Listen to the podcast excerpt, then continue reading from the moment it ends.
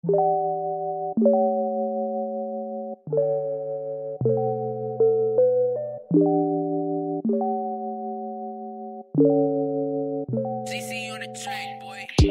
assalamualaikum teman-teman, teman-teman yang hanya itu itu lagi itu itu lagi. Hai, Hai, balik lagi. sahabat di luar sana. Kita bikin podcastnya tuh ini aja lah ya, emang podcast berdua. Eh ya, enggak enggak. Sekarang aku podcastnya ada ada bintang tamu yang lain. Cel, partner Ya Allah, lain. cemen. Aku yang cemen berarti ya. Punya melebar, topiknya melebar. Waduh. Udah melebar. Jadi sekarang kita mau bahas apa, Din? Kita bahas yang lagi hits. Emang nih hits banget gak sih? Baru kan? Hmm, enggak. Ya, dalam bulan September ini sih. Iya. Nah, Hmm. jadi kita bahas eh, ini berkaitan dengan film yang ada di Netflix. Kalau teman-teman sudah nonton itu namanya eh, apa? The Social Dilemma ya? The Social Dilemma. Yes, dokumenter gitu. Ya, film dokumenter di mana itu eh, secara garis besar itu filmnya meng- meng- menceritakan siapa sih yuk aktornya, eh Hmm. aktornya, subjeknya. Jadi tuh garis besarnya, jadi tuh sosial dilema ini tuh dokumenter tentang gimana sih ceritanya tuh ada sosial media. Jadi nih, nih, di dalam eh, dokumenter do- dokumenter ini, ini tuh nah, ada narasumber kan dia. Narasumbernya itu tuh yang bukan macam orang awam macam kita.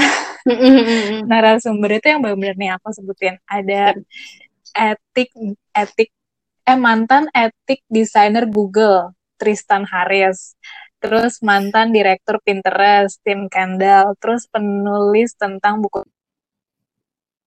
sosial terus ada lagi yang sebelumnya tuh benar-benar petinggi-petingginya Facebook, Twitter, Instagram sampai ada yang benar-benar mereka yang ciptain Iya. logo-logo icon email Oke, gitu-gitu oke. deh. pokoknya bener jadi kan emang benar-benar orang orang pendiri Heeh, kan nah jadi tuh sebenarnya eh, ini kan mereka mantan-mantan gitu kan Cil. Mantan udah ex lah ya ex.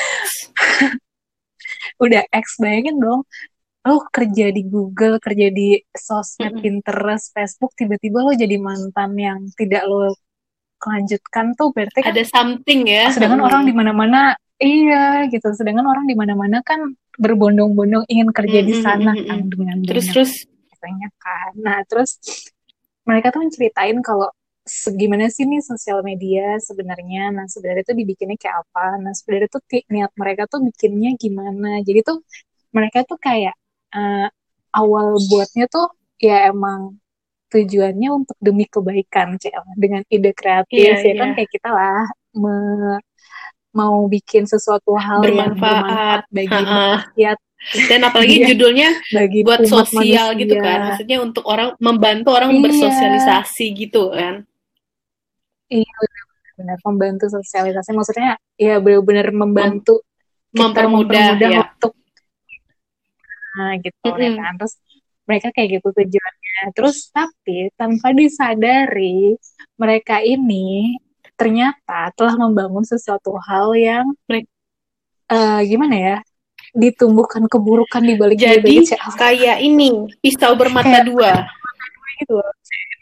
Nah gitu-gitu gitu. Mereka membangun kebaikan, tapi tanpa disadari ternyata di balik itu ada keburukannya juga gitu. I see I see Nah terus apa sih yang bikin buruk? Jadi tuh mereka kan jelasin nih di dalam sosial media, di dalam everything about internet ini kan pasti ada AI gitu. AI, artificial artificial Mm-mm. intelligence, artificial intelligence kan.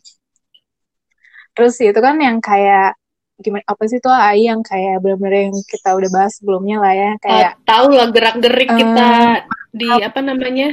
Ah, ya macam gerak gerik kita dari dari kita. Nih kita ngomong aja bakal direkam sama mereka kayak gitu. Kayak ya kan ada Google Voice kan mereka kan pasti otomatis merekam tujuan kita terus kan.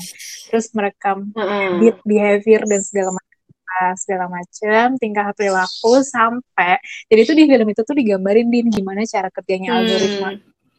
Hmm. jadi tuh eh, digambarin tuh yang bener-bener misalnya nih eh, misalnya nih Iya. si A siapa ya? Sebutnya si Mawar. Si Mawar.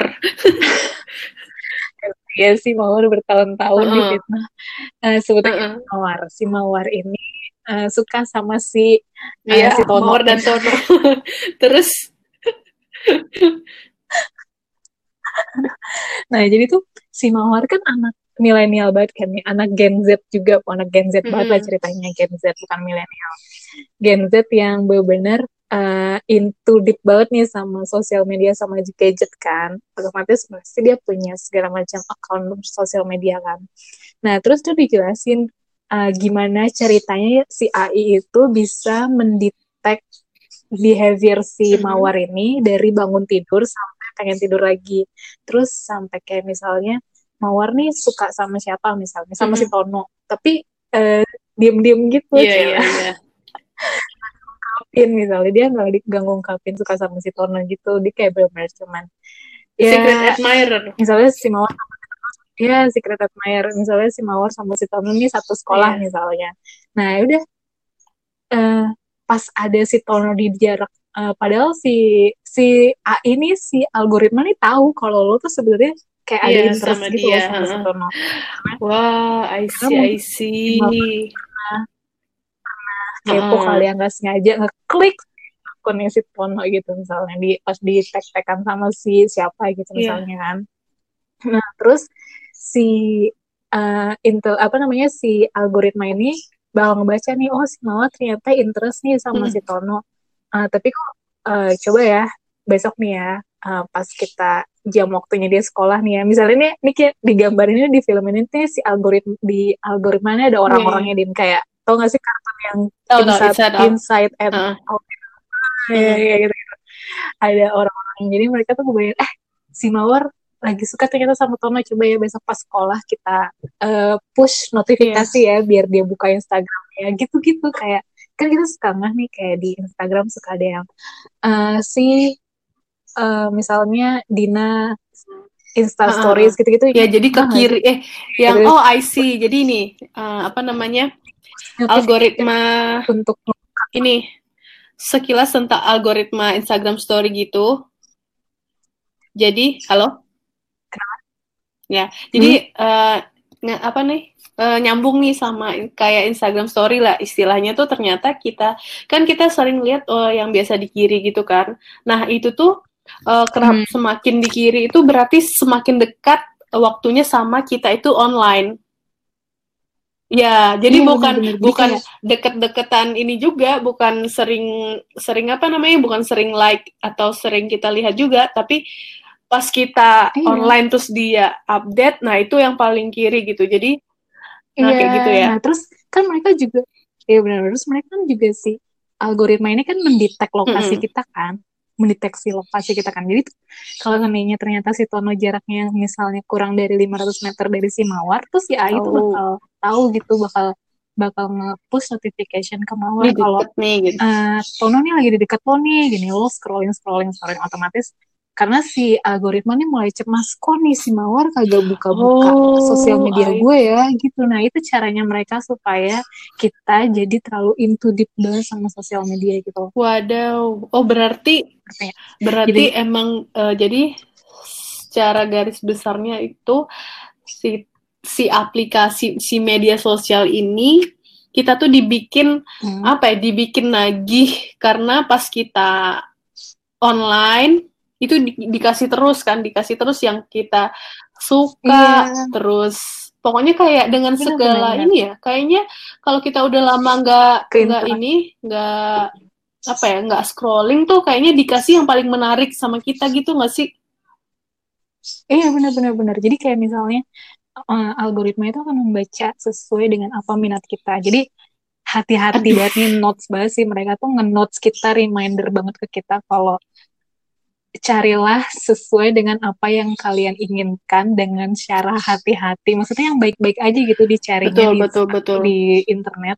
Karena itu kalau misalnya nih contohnya nih kan sekarang lagi happening mm -hmm. corona kan. Kalau corona kan punya punya sudut pandang berbagai yang macam kan. Negatif, ada yang sisi ya. baik, sisi buruk, ada sisi ya segala macam gitu. Kalau kita Nah, kalau kita ternyata doyannya uh, suka yang positif-positif kita bakal dikasih yang berita yang positif. Tapi kalau ternyata kita sukanya yang viral-viral entah entah berantah kena hoax-hoax gitu nah itu akan muncul terus tuh di kita. Jadi kita ke brainwash terus jadi mempengaruhi ke perilaku. Karena di situ dijelasin juga gimana uh, sosial media tuh mempengaruhi si mental anaknya yeah. gitu. Mental anaknya gitu. Jadi serem banget deh anaknya. Terus terus dia juga ngejelasin sih kalau apa namanya um, apa ya kalau sebenarnya ini kan kita kan pasti pernah kepikiran ya ini kok Facebook bisa sih jadi orang terkaya sedunia keempat ya deh sekarang iya nggak tahu dah. kelima pokoknya yang kaya aja. apa? Pokoknya lim ya orang terkaya di dunia sedangkan mereka kan nggak ngeluarin nggak dapat duit sebelum ada yeah. apps ya. Gak dapat duit dari mana gini-gini. Ternyata ya emang cara mereka ngedapetin duit yang ya kita. Iya iya. Bener yang kayak kita ini udah jadi kalau kita nggak bayar if you not pay berarti you are the product. Yeah, yeah. So.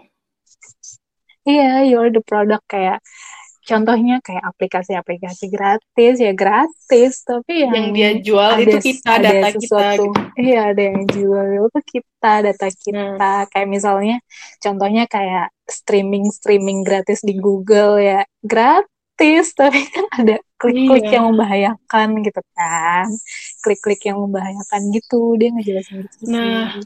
jadi gitu. Berarti uh, apa ya? Ini kayak reminder lagi nih. Mungkin film ini tujuannya hmm.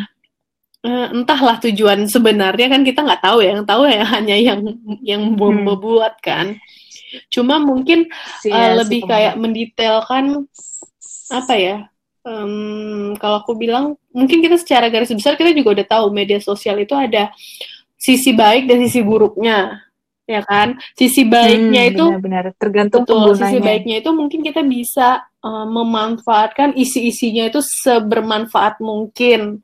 Atau kita cari informasi yang yang apa nah. namanya yang baik dan bermanfaat Ses banget. Nah, positif mungkin nah itu kan kita hmm. bisa dapat uh, apa namanya dapat info-info lagi dengan si AI-nya mereka itu algoritmanya mereka itu kita pasti ter apa terpapar sama konten-konten yang baik juga gitu. Benar-benar benar. Terus terus, terus? Uh, tapi kita jadinya nih sebagai apalagi sebagai orang ini orang apa namanya bukan orang sih sebagai muslim itu jadinya jadi reminder bahwa jangan sampai kita jadi korban. Walaupun sebaik kita korban. Iya ya istilahnya gitu.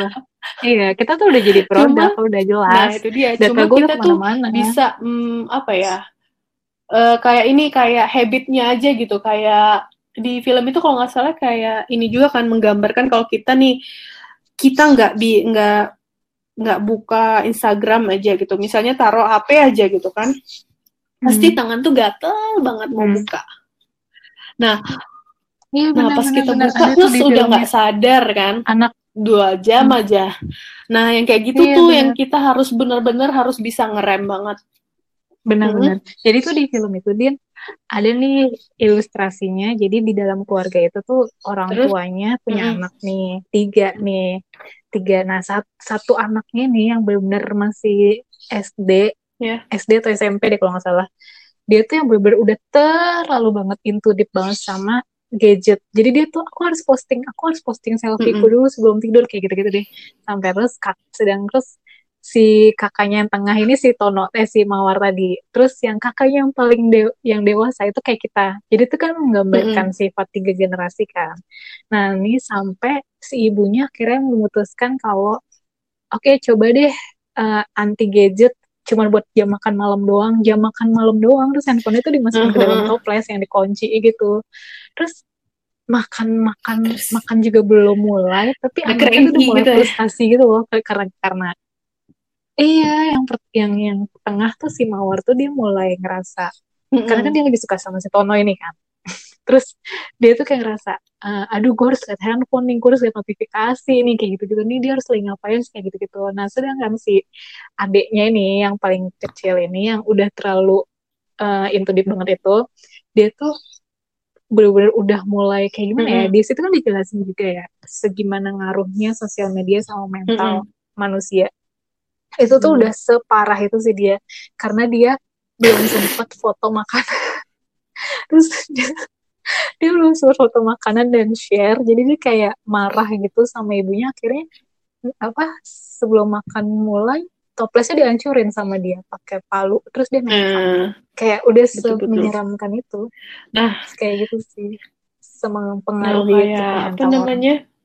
Walaupun nih istilahnya kan kita udah emang menjadi apa ya ya produknya mereka gitu. Tapi yang aku ngerasain banget tuh apa ya kayak harus harus dipaksa sih kita tuh ngelatih bahwa uh, media sosial itu tetap jadiin dia tools gitu beda sama misalnya kayak kita itu uh, misalnya kayak aplikasi Microsoft Word kayak gitu kan atau ada Photoshop. Nah, itu tuh kan tools hmm. yang jelas kita buka itu hmm. untuk ya betul. uh, kita buka itu fungsinya untuk uh, ngetik, untuk edit foto. Mm -mm. Kalau udah selesai ya udah kita close, nggak pernah tuh kita nongkrong seharian di situ kan maksudnya di cuma mengetik apa pun. Nah, Nah, sebisa mungkin walaupun okay. saya tahu ini sangatlah susah tuh, sebisa mungkin kita tuh menjadiin media sosial Sulit. si Instagram ini tuh ya sebisa mungkin tuh ada jamnya gitu ya. Dan mereka tuh sebenarnya uh, yang baiknya mereka ada ya your activity kayak reminder misalnya kita hmm. mau cuma dua jam tapi bikin hmm. itu juga konsisten ya, komit komitmen sendiri juga Nah, dulu kamu pernah nggak sih yuk iya, kayak ya, uh, apa nama apa jauh dari handphone gitu pernah nggak? Pernah. Jadi gini. Berapa lama? Uh, gimana ya? Dulu sih, dulu tuh dulu kita uh, tuh uh, uh. terlalu banget into deep banget kan sama sosial media. Terus setelah mungkin karena kita aku mendalami banget kali ya din tentang sosial media ini terus aku ngikutin banget perkembangannya gimana Facebook udah ngeluarin apa terus segala macam apa udah ngeluarin apa aku kayak ngerasa eh gila ya iya. serem yeah. banget kayak gitu loh terus akhirnya uh, di pertengahan tahun ini kan aku mulai uh, memulai uh. untuk puasa sosmed kan maksudnya aku keluar aku keluar dari akun-akun sosial media aku gitu kan terus aku coba karena ternyata mentalku seperti tidak sehat nih kalau terlalu lama hmm. di sosial media kan terus karena insecure dan segala macam terus ya udah aku akhirnya mencoba untuk kayak sehari dua hari benar-benar aku matiin handphone tuh gue bener-bener nggak karena kan aku di satu handphone yang bener-bener nggak ada sinyalnya kan cuma buat main games doang. Ini bener handphone yang itu aku matiin di bener-bener dua hari. Terus ya udah awalnya sih pasti kayak ah, aku frustasi. Aku nggak bisa melihat dunia di luar ada apa gitu-gitu. Kayak gitu-gitu gak bisa scrolling terus aku harus ngapain mati gaya gitu-gitu. Cuman makin lama makin kayak terbiasa nah, aja sih makin ke sini setelah berbulan-bulan ku hadapi ku malah iya, iya. merasakan iya. itu tuh jadinya apa ya? Uh, yang harus sama si, si, psikologis kita juga kan bersosial media itu. Jadi emang iya, kalau aku kalau aku jauh dari handphone tuh belum pernah ya Allah. Tapi kalau jauh dari Instagram tuh udah pernah sih. Cuma tetap aja ya uh, apa nah itu dia. Ada YouTube. ada pengalihan isunya. Paling terus nonton ini nonton tetap aja streaming film ya sama aja.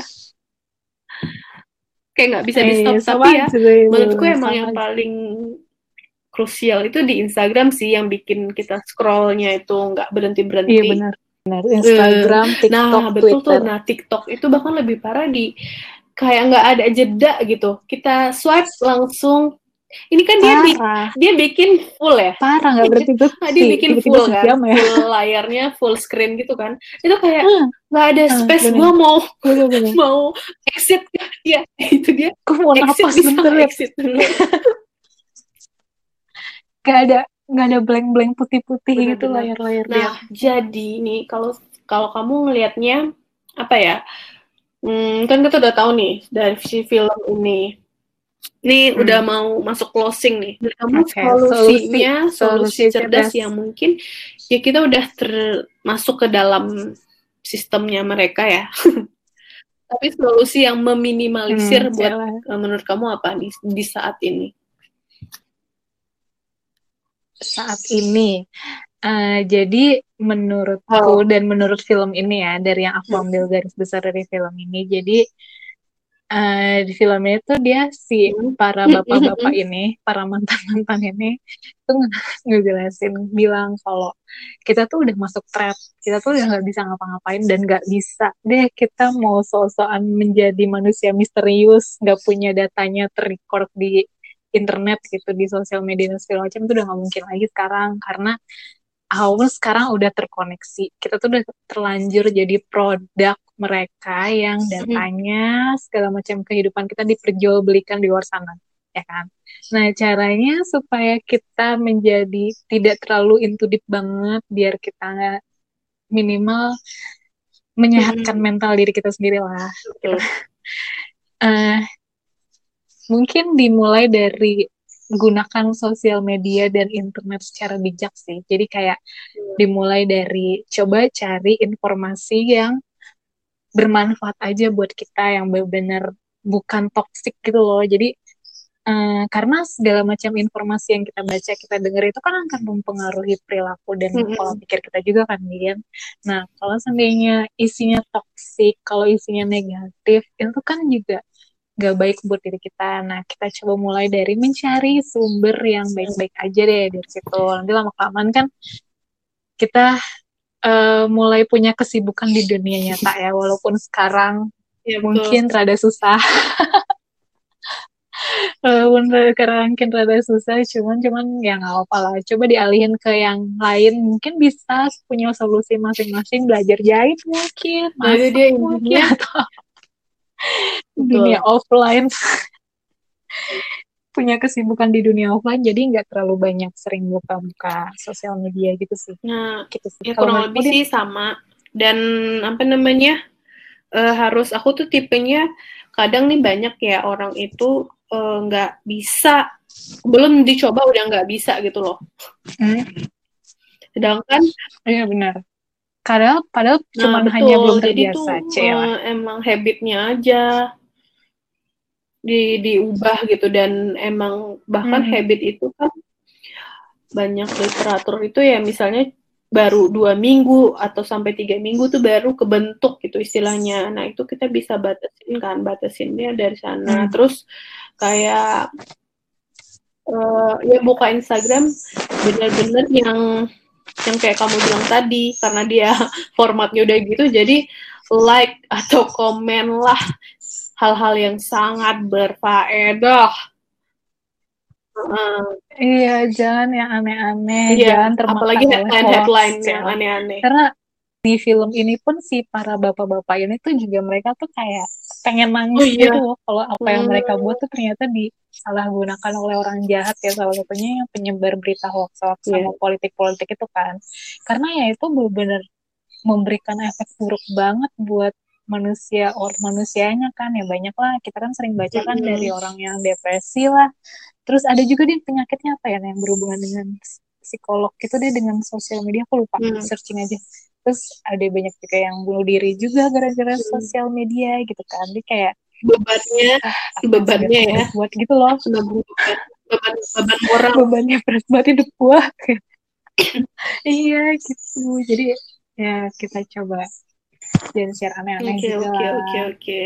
Oke menurutku sudah. Mungkin kalau ada yang mau nonton filmnya siap-siap. Habis itu biasanya nggak mau buka HP habis itu kayak ada lagi sebenarnya kalau kalau mau searching di kalau di Netflix tuh ada lagi sebenarnya eh, dokumenter yang berkom berhubungan hmm. gitu sama ini. Jadi sosial dilema ini sama satu lagi cuma satu lagi ini lebih ke hmm. penjualan data sih. Lebih lebih besar sih. Gak cuma tentang sosial media apa ya?